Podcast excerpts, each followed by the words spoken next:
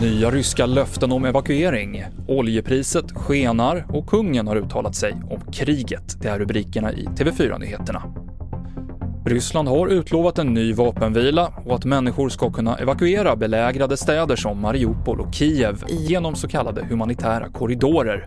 Men det är oklart hur många som faktiskt kan lämna, säger vår utrikeskommentator Lisa Grenfors.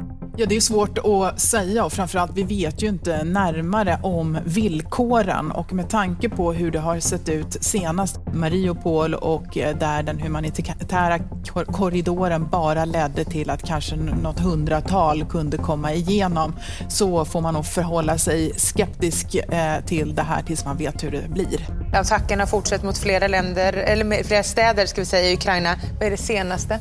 Ja, det är ju att det avtecknar sig en bild nu eh, där det de senaste 48 timmarna lite grann har stått och stampat för den ryska sidan om man säger så. Och där man ju då eh, spekulerar i att eh, Ryssland kraftsamlar och försöker att snart ringa in Kiev. Det sa vår utrikeskommentator Lisa Grenfors till Matilda Bosa. Och Sveriges kung, Karl XVI Gustav, fördömde idag den ryska invasionen i ett tal på Karlsborgs regemente.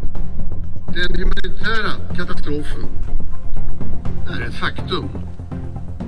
Människor flyr sina hem och sitt land. Familjer splittras.